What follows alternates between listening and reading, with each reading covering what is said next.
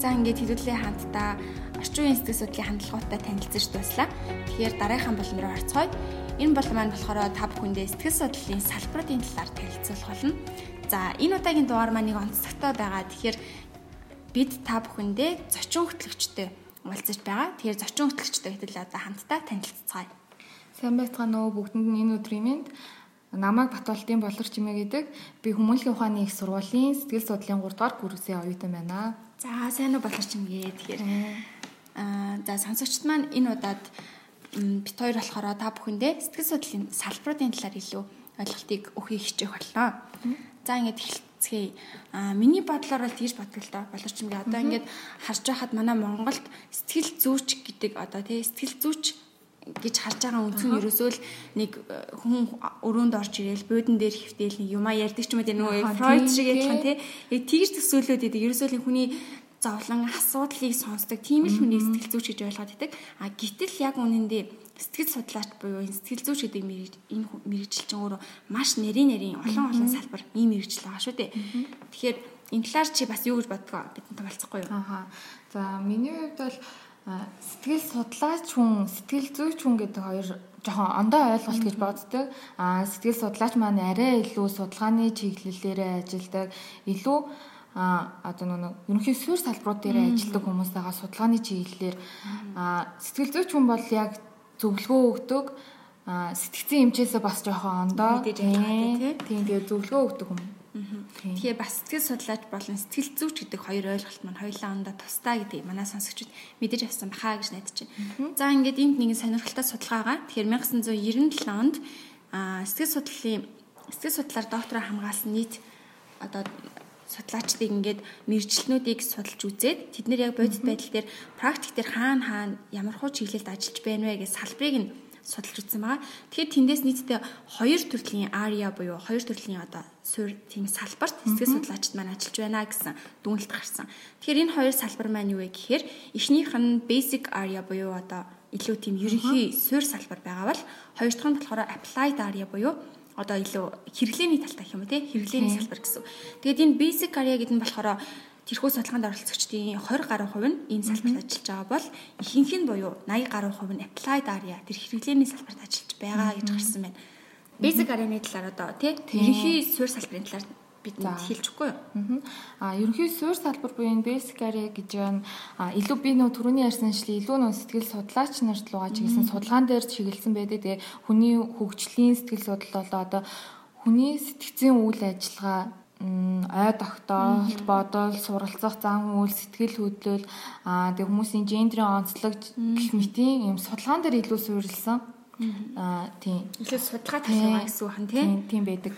Тэгэхээр эдгээр сэтгэл судлаачдыг одоо олж уулзъя гэх юм бол тийм магадгүй зэрэг зүг харъя гэх юм бол ч юм хаана байрлаж юу хийдэг яг хүмүүс илүү их нөгөө одоо лабораторид чиглэсэн гэдэг утгаараа их сургууль коллежийн одоо багш нар Иймэрхүү судалгааг бол арай илүү хийдэг байгаа. Тийм. Академик одоо төвшнийхээ одоо хичээлийг заахынхаа хажуугаар өөрөөсөө судалгаа хий гэж явах тийм илүү тийм. А би болохоор бас ингэж хартдаг л та. Яг чиний хэлдэгчлэн мэдээж олон улсад ингээд одоо өөр тийм Америкт ч юм уу Европт за ингээд харахад энэ их сургуульд багшлаад байгаа багш нар маань одоо кредит цаг нь илүү бага байдаг.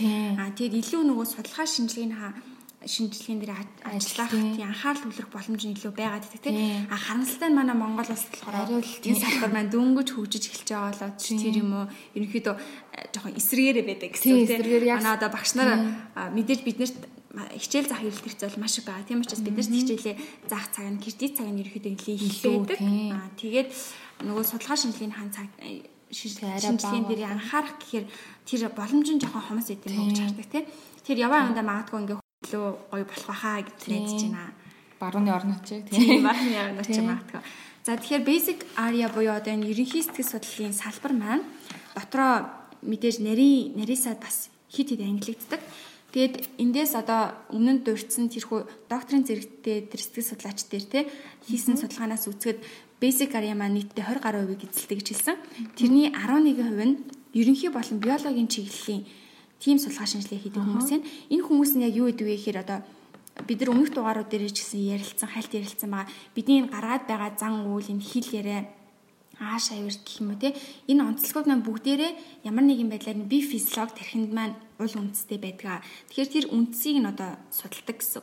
Мэдрэлийн систем болон бие физиологийн үйл ажиллагаа гэх мэтчлэн эдгээр зүйлс дээр илүү тулгуурлаж ажилладаг. Аа бас сонирхолтой хэлэх юм бол магадгүй одоо янз бүрийн амтан дээр туршилт хийдэг энэ хүмүүс ч гэсэн энэ биологийн чиглэлээр энэ basic талтаа бас багтана гэсэн. За үлдсэн 6% нь болохоор social одоо илүү нийгмийн болон бие хүний хэв шинжээ тийм нийгмийн тэр чиглэлийн судалгаа шинжилгээ хийдэг тийм хүмүүс байгаа.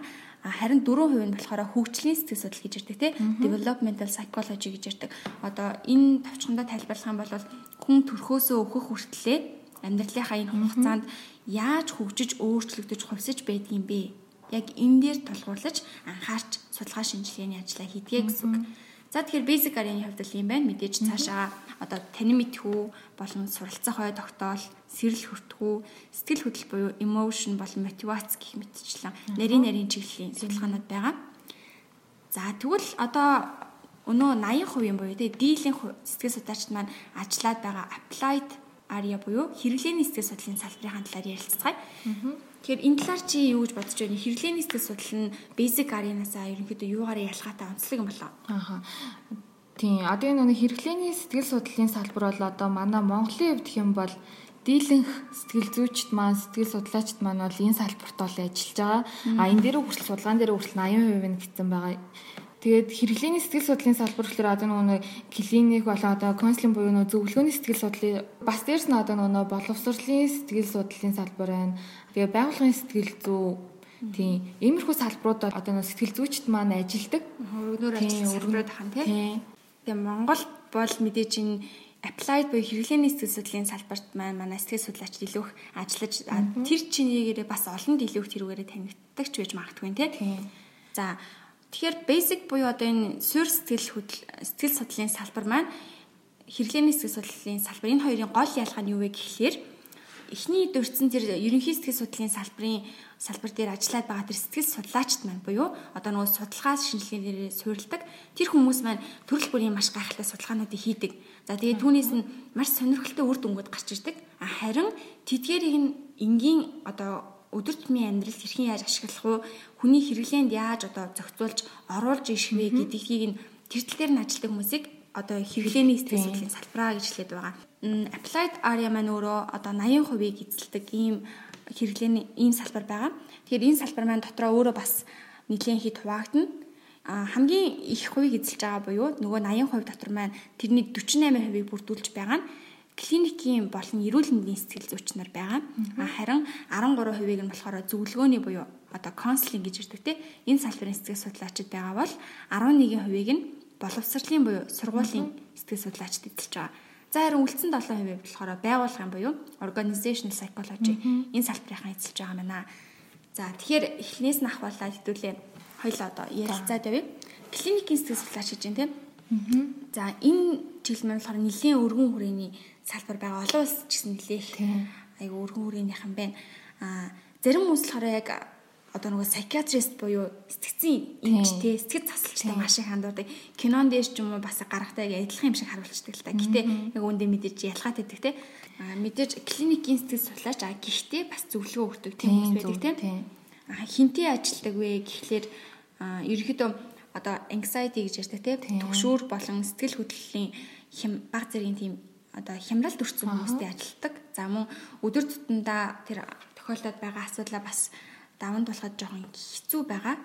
Тэр хүмүүстэй ажилладаг. А тэгээ олон улсын одоо хэмжээнд юу гэж яг ямар статустай ямар үүрэгтэй байдаг вэ гэхлээр нэг онцлог нь сэтгцэн эмчэд шууд очихоос өмнө тэр хүн сэтгэл зүйч тэр клиник сэтгэл зүйч тэр ч юм уу хурж ирлээ гэж бодоход тэр хүн хараад За эхнээс нь онцлогоо хийн. Тэр хүн яг сэтгцийн эмгэгтэй юу үгүй юу гэдгийг яг сэтгэл зүйн тэр онцлогоо судалгааг нь хийн. А дараа нь энэ хүний асуудал яг юу юм бэ гэдэг тэр асуудлыг нь тодорхой болгож өгч байгаа. А тэгээд гуравдхан болохоор ямар засал магадгүй те ямар эмчилгээ хэрэгтэй вэ гэдгийг нь чиглүүлж тодорхой болгож өгнө. Гэхдээ хамгийн гол нь ерөөсөө өөрөө тийм эмийн болон бусад төрлийн эмчилгээ засал ерөөсөө явуулахгүй. Ялангуяа сэтгцийн одоо эмгэгтэй тийм хүн болохоор ерөөсөө тэр чиглэл нь явуулахгүй. А дараагийнхан буюу тэр л байгаа шилжүүлж өгдөг гэсэн үг. Тийм. Ийм онцлогтой сэтгэл судлаач нар байгаа. Тэр энэ чиглэлийн хол ерөнхийдөө Монголч гэсэн айгүй хөгжиж байгаа гэж бодож байна. Мэдээж өөрөө бас айгүй сонирхолтой. Тийм маш сонирхолтой. Чи яг оюутан үеийнхээ хувьд энэ чиглэлээ юу гэж хардаг вэ? Аа миний өөрийн хувьд гэх юм бол би өөрөө юм нэг конслийн чиглэлийг бол сонирхдаг. Гэхдээ надад бол анх энэ сэтгэл судлалыг сонгохоос ахвала клиникийн салбар маш сонирхолтой байсан. Яг тэгэхээр мэдээж ойлгомжтой төгшүүртэй маш юу төгшүүртэй сэтгэл хөдлөлттэй юм сэтгцийн жоохон тийм юм илрэлтэй хүмүүстэй ажиллана гэдэг тийм хүмүүс ямар хөө байгаа бол гэдэг талаас нь маш сонирхолтой байсан тийм. За тэгвэл сайн бас манай болроо маань хэллээ. Консулингийн сэтгэл судлалын салбараа буюу зөвлөгөөний салбарт өөрөө ажиллах сонирхолтой гэж хэллээ тий. Тэгэхээр дараагийн маань том салбар бол нөгөө 80% маань 13% бүрдүүлээд байгаа сэтгэл судлалын зөвлөгөөний салбар гэж байгаа. Тэгэхээр зөвлөгөө өгдөг сэтгэл зүйч нар гэсэн үг.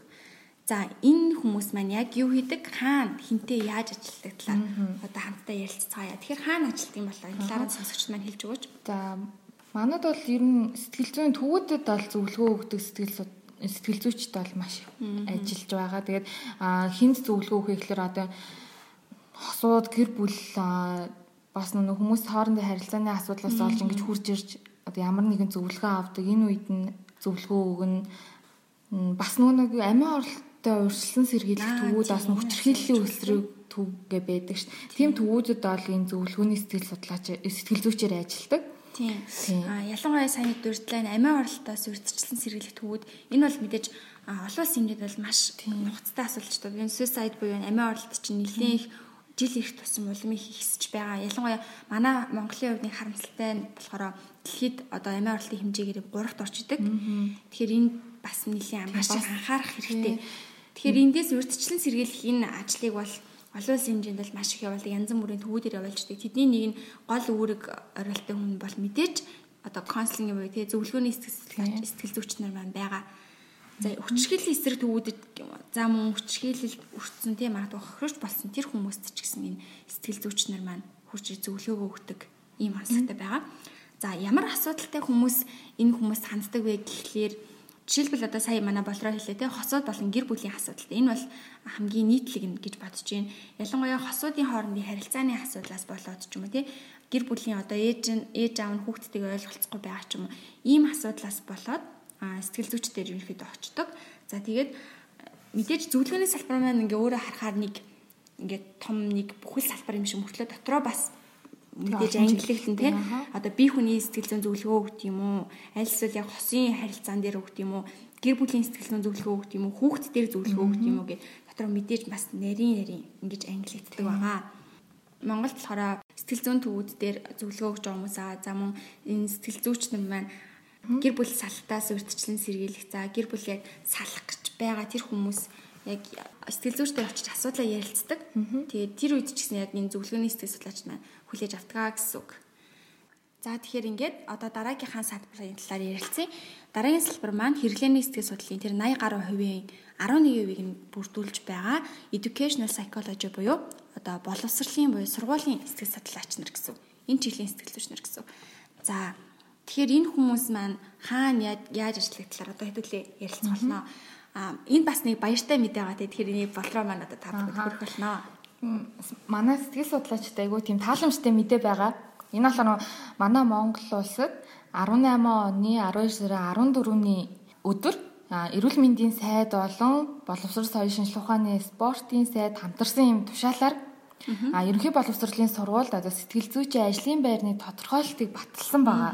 Тийм айгүй баярмаар хавуулаад талаасаа. Ерөнхийдөө бол яг эндээс юу харагдаж байна вэ гэхлээр Монгол улсад маань яг сэтгэл зүйч гэдэг чинь хэрэгтэй байна. Сэтгэл судлалын шинжилгээ ухаан чинь чухал юм байна гэдгийг магадгүй яг төрөөс ч гэсэн олж хараад тий баг багаар ингээд бас зам нэгтэд явж байгаа байна. Тэгээ тэгээд бас тэр тусмаа одоо энэ одоо бидний өсвөр үеийнхэнд тэ сэтгэл зүй гэдэг ямар сэтгэл зүйч гэдэг хүн ямар хэрэгтэй байгаа вэ гэдгийг бас эндээс олж харж болно.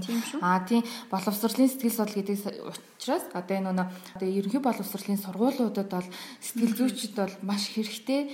А Монголд одоо нөгөө сая тушаал батлагдсан гэсэн шүү дээ тий.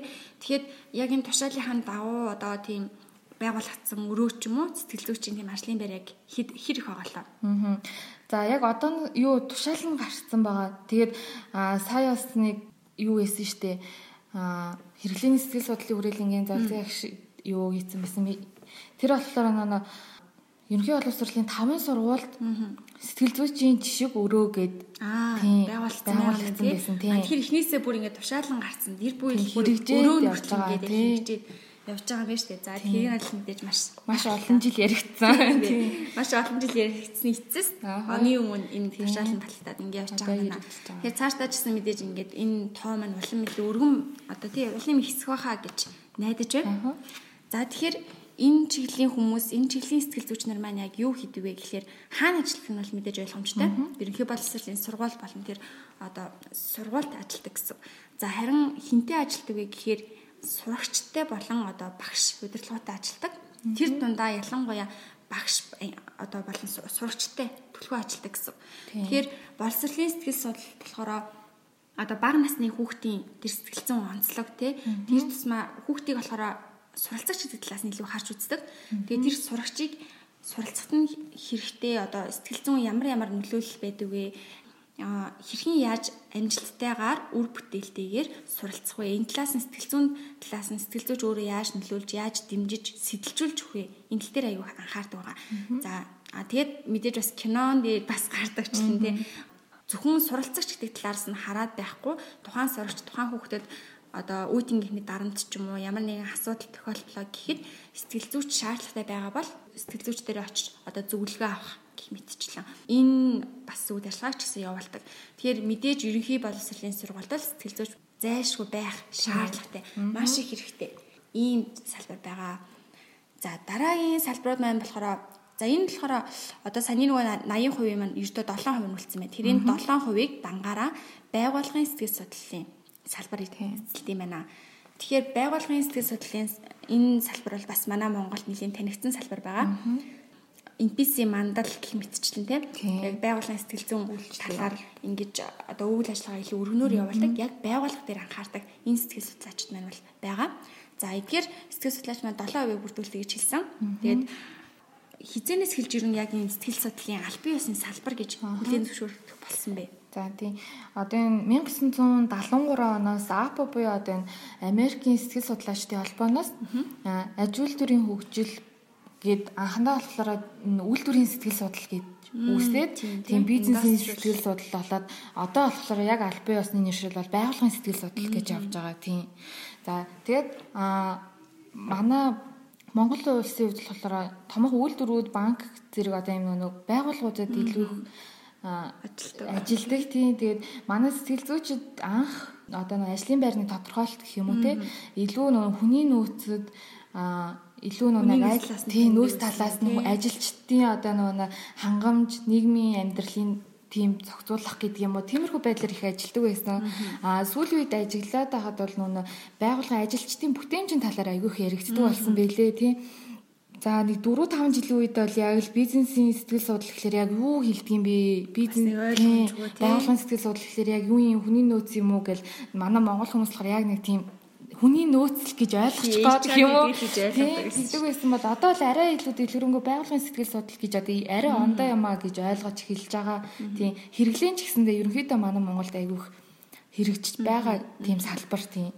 За тэгэхээр сая бас хэллээ те 1973 оноос Америкийн сэтгэл судлалын нийгэмлэгээс энэ байгууллагын сэтгэл судлал гэдэг чинь өөрөө бие даасан сэтгэл судлалын салбар муу юм а гэд аль биесээ хүлээн зөвшөөрсөн байт юм байна. За мэдээж болрогийн хэлэгчлэн бол Монголд бол айгүй одоо өргөн үйл ажиллагаа хэрэгжүүлж байгаа. За тэгээд сонсогчдоо магадгүй яг энэ чиглэлээр анх удаа сонсож байгаа хүмүүс бол тэгээд яг юу хийдэм бэ гэж бас гайхаж магадгүй. Тэгэхээр энэ талаар э, нэг жишээ аваад ирэх юм бол те одоо байгууллага байгаа тэр ажилчид бол ажилчдын сэтгэл зүй гэдэг маань өөрөө маш чухал аа гэдгийг өнөөгийн энэ даяаршлын нийгэмд бол айгүй ойлгох болсон. Ялангуяа өмнө жилүүдэд болохоор тийм магадгүй хүн хийх ёстой ажлаа хийгээл аж үйлдвэрийн хувьсгалын үед ч юм уу тий хийх ёстой ажлаа хийгээл за тэгээ цалингаа аваад явдаг байсан бол одоо одоо бол ер нь тийм байха болсон. Одоо ингээ харах юм бол дэлхийн ер нь том том байгууллагууд маш их байгуулагдж байгаа. Үндсэн дамсан корпорациуд болон томоохон компаниуд маш их байгуулагдж байгаатай холбоотойгоор тэнд ажиллаж байгаа ажил ажиллагчид маань өөрсдөө төрөл бүрийн соёлын төлөөлөгчд, төрөл бүрийн нийгмийн давхархаас ирж байгаа маш олон хүмүүс нэг дор нэг үнэт зүйлд ингэж захирагдаж ажиллана гэдэг чинь өөрөө маш том зүйл болж байгаа юм л да. Тэгэд ялангуяа тэр ажилчдыг тэгвэл яг яаж сэтэлжүүлэх вэ? Тэдгээр ажилчдыг энэ байгууллагын нэг үнэт зүйл рүү тэр зорилго руу хэрхэн яаж тэмүүлүүлэх вэ гэдэг энэ бол ерөөсөө байгууллагын сэтгэл судлалын гол бас зорилго нь гэсэн. Тэгэхээр ажилчдын бүтээмж дээр анхаардаг жилээ тий. Одоо жишээлбэл ажиллаа хийж байхдаа тэр хүн ажлаасаа хэрэг сэтгэл ханамжийг авд юм бэ?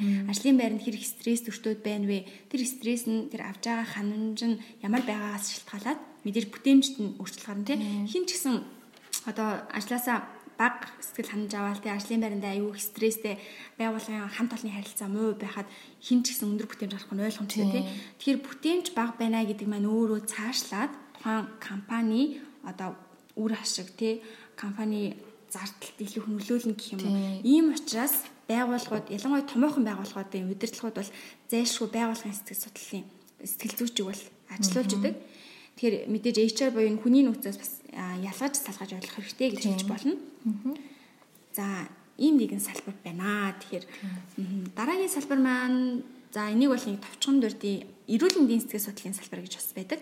Тэгэхээр энэ болохоор эмнэлэг болон эрүүл мэндийн төвүүдэд ажилладаг. А гэтээ клиникийн сэтгэл судлаачаас баг зэрэг ялгаатай. Ерөнхий үйл ажиллагааны чиглэл нь бол ойролцоо гэж баг хэлж болно. За тэгээд яг юу хийх юм болоо тийм онцлогоос нь болцооч. Илүү одоо нөгөө нэг клиникийн салбараа бодвол клиник бол яг нөгөө нэг эмнэлэг сэтгцэн эрүүл мэндийн төв гэж ярьж байгаа бол энэ эрүүл мэндийн сэтгэл судлал гэдэг салбар маань болохоор илүү зүгээр нөгөө бидний одоо нэгдүгээр эмнэлэгч гэдэг юм уу те юу их нэлхас гэдэг юм уу иймэрхүү одоо эмнэлгүүдэд илүү их ажилтдаг байгаа. Тийм. Бас тэгээ нөгөө одоо ингээд өвчлөөд гэх юм уу одоо өвчтөнгүүд байгаа шүү дээ. Иймэрхүү хүмүүс ирсэн тохиолдолд энэ хүмүүсийн сэтгэл санааг сэргийгч гэдэг юм уу? Тиймэрхүү байдлаар тийм зөвлөгөө өгөх. Тийм. Тэр энэ бас би ингэж харддаг энэ нөгөө олон нийтэд бас нийгмийн сэтгэл сэтгэл зүйн эрүүл мэндэд аягүй чухал салбар юм шиг харагддаг. Ялангуяа энэ одоо сэтгэл зүгээс шалтгаалсан те энэ эмгэгүүд өөрчлөлтүүд өвчин эмгэгээс одоо олон нийтийг сэргийлэх Ялангуяа тэр нэг мэдээж хүний сэтгэл зүйн байдалтай хацаагаар магадгүй те докторгүй байна гэдэг чинь тухайн хүний шууд эрүүл мэндэд би физиологт нөлөөлнө. Тэр энэ янз бүрийн өвчин эмгэгий эмгэгээс хүмүүсийг өөртчлэн сэргийлэх, таниулах ийм ажлыг бас хийдэг байхаа. За жишээлбэл одоо энд би жишээ дүрдэл та зүрхний өвчтөний хүн байна гэж үү те. Тэгээ зүрхний өвчтөй хүн байлаа гэхэд тийм тэр хүн дандаа эмийн эмчилгээ тариа хийгээд ч юм уу ингээд байхаас гадна сэтгэл зүйн талаас нь тусалж дэмжих шаардлагатай та илүү тайван байх хэрэгтэй шүү. Таны сэтгэл зүй доктортой тайван байх тусмаа таны зүрхний өвчин чинь зөөлөн байна гэх юм юу гэж хэлэх шүү дээ. Арай тийм та хэрвээ ингэж мэдээж уур уцаартай байгаад байх юм бол а таны өвчин юм бичсэн улам даамжирна. Энийг тэр өвчтөнд илүү их таниулж одоо ухуулж ойлгуулах ийм ажлыг магадгүй хийдэг. Тийм чиглэл байгаа. Энэ сэтгэл зүгээс шалтгаалаад өвчин эмгийг үүсдэг юм шүү. Таны эрүүл мэнд чинь ганц физиологийн эрүүл мэнд биш ээ. Сэтгцийн эрүүл мэнд, сэтгэл зүйн эрүүл мэнд гэдэг чинь бас тусдаа том ойлголтоо гэдгийг нэг төлөөлөгч нь болдог баха. За ингээд хэдүүлээ хамтдаа сэтгэл судлалын салбаруудын талаар мэдэж авлаа. Тэгээд сонсогчд маань магадгүй тэ энэ дугаарыг сонсохоос өмнө бол сэтгэл зүйч гэдэг нэг хүнийг хүн зөвлөгөө өгдөг нэг хүн байдаг баха. Тэгээд project яг тэгж боддог гэсэн бол одоо магадгүй тэр бодол нь илүү тий тайлбарлаад өөр болсон баха гэж бодож байна. Тэгээд сэтгэл зүйч гэдэг хүн маань бол сэтгэл судлаач гэдэг хүн маань өөр замун тэгээд үйл ажиллагаа эхэлж байгаа байдал нь өөр дотроо маш олон нарийн нарийн салбартай нийгмийн төрөл бүрийн давхархад хурж үйлчлэхийг зорддог ийм нарийн мэрэгжлийн ийм хүмүүс байгаа. За ерөнхийдөө манай энэ удаагийн дугаар маань өндөрлөхөд төхөж байна. Гэхдээ сүүлийн булан руугаа хамтдаа орцгоё. Тэгэхээр одоо төсөлтөө бид нар юуны талаар ярилцах гэж байна вэ гэхлээр энэ манай сонсогчдод бас хүсэлт ирсэн л дээ. Би яг одоо юуны талаар ярил та бүхэн хэлээ сонирхолтой байх байх юм уу? Юуны талаар мэдмээр байна вэ гэсэн асуултыг тавьж утсан. Тэгэхэд одоо Instagram ч юм уу Facebook-ээр пэйж дээр маань хэлж байгаа юунуудаас хараад хаад сэтгцийн эмч болон одоо сэтгэл зүйч хоёрыг яг адилхан гэж ойлгодогоо. Гэтэл энэ яг адилхан юм болов уу? Яг ялгаа нь юу юм болоо? Энэ талаар ярьж өгөөч гэсэн хүсэлт нэлээд хэрсэн. А тэгээд энэ удаа psychiatrist буюу сэтгцийн эмч, за мөн сэтгэл зүйчин ялгааг та бүхэндээ яг одоо төгсгөлт нь ярьж өгөө. За. Сэтгцэн эмчийн хандлаар сэтгцэн эмч нь болохоор арай би түрүүн нэг нэг ялгаад дээрсэн да. Сэтгэл судлаа сэтгэл зүйч гэдэг шиг. Сэтгцэн эмч маань болохоор ангаахаар мэрэгсэн ангаахын чиглэлийн яг нэг сэтгцэн эрүүл мэндийн тийм чиглэлээр төгссөн. Аа тэгээд илүү тийм нэг хүнд төрлийн сэтгцэн эмгэгтэй хүмүүстэй ажилтдаг хүн байна. А одоо тэгэхээр бид нар ингээд харах юм бол одоо бакалавр гэж ирдэг те бакалавр илүү нөгөө ангаах дээр тий ангаах. медикал талтай. Тэгээ тэр талтай хамгаалсан хүмүүс хамгаалсан тийм мэрэгчсэн. Тэгээд а энэ хүмүүс маань бол бас нөгөө сэтгэл засалч хийдэг. Дээрэс нь им бичиж өгөх тийм эрхтэй тийм а им бичиж өгд одоо хавсаргаж одоо ингэж нэг имчилдэг засалтайгаа хамт а тэгээд илүү тулгуу одоо сэтгцийн өвчтэй буюу бидний илүү сэтгцийн өвчнөд тийм эмгэгтэй хүмүүстэй ажилдаг тийм Аа за тэгээд psychologist буюу одоо сэтгэл зүй сэтгэл судлаач нар маань болохоор арай өөр сэтгэл судлаараа бол мэрэгсэн. Арай юу хүмүүст бол тэгж им бичиж өгөх тийм ямар ч ирэх байхгүй тийм. Тэгээд илүү онцлог нь хэм бол энэ хүмүүс маань илүү нүг эрүүл хүмүүстээр төвлөрч ажилладаг тийм. Хүмүүсээс нэг юу яадаг штэ сэтгэл судлаач нар очино гэхлээр л нэг тийм өөрийгөө тийм. тэгэд бодож үгүй.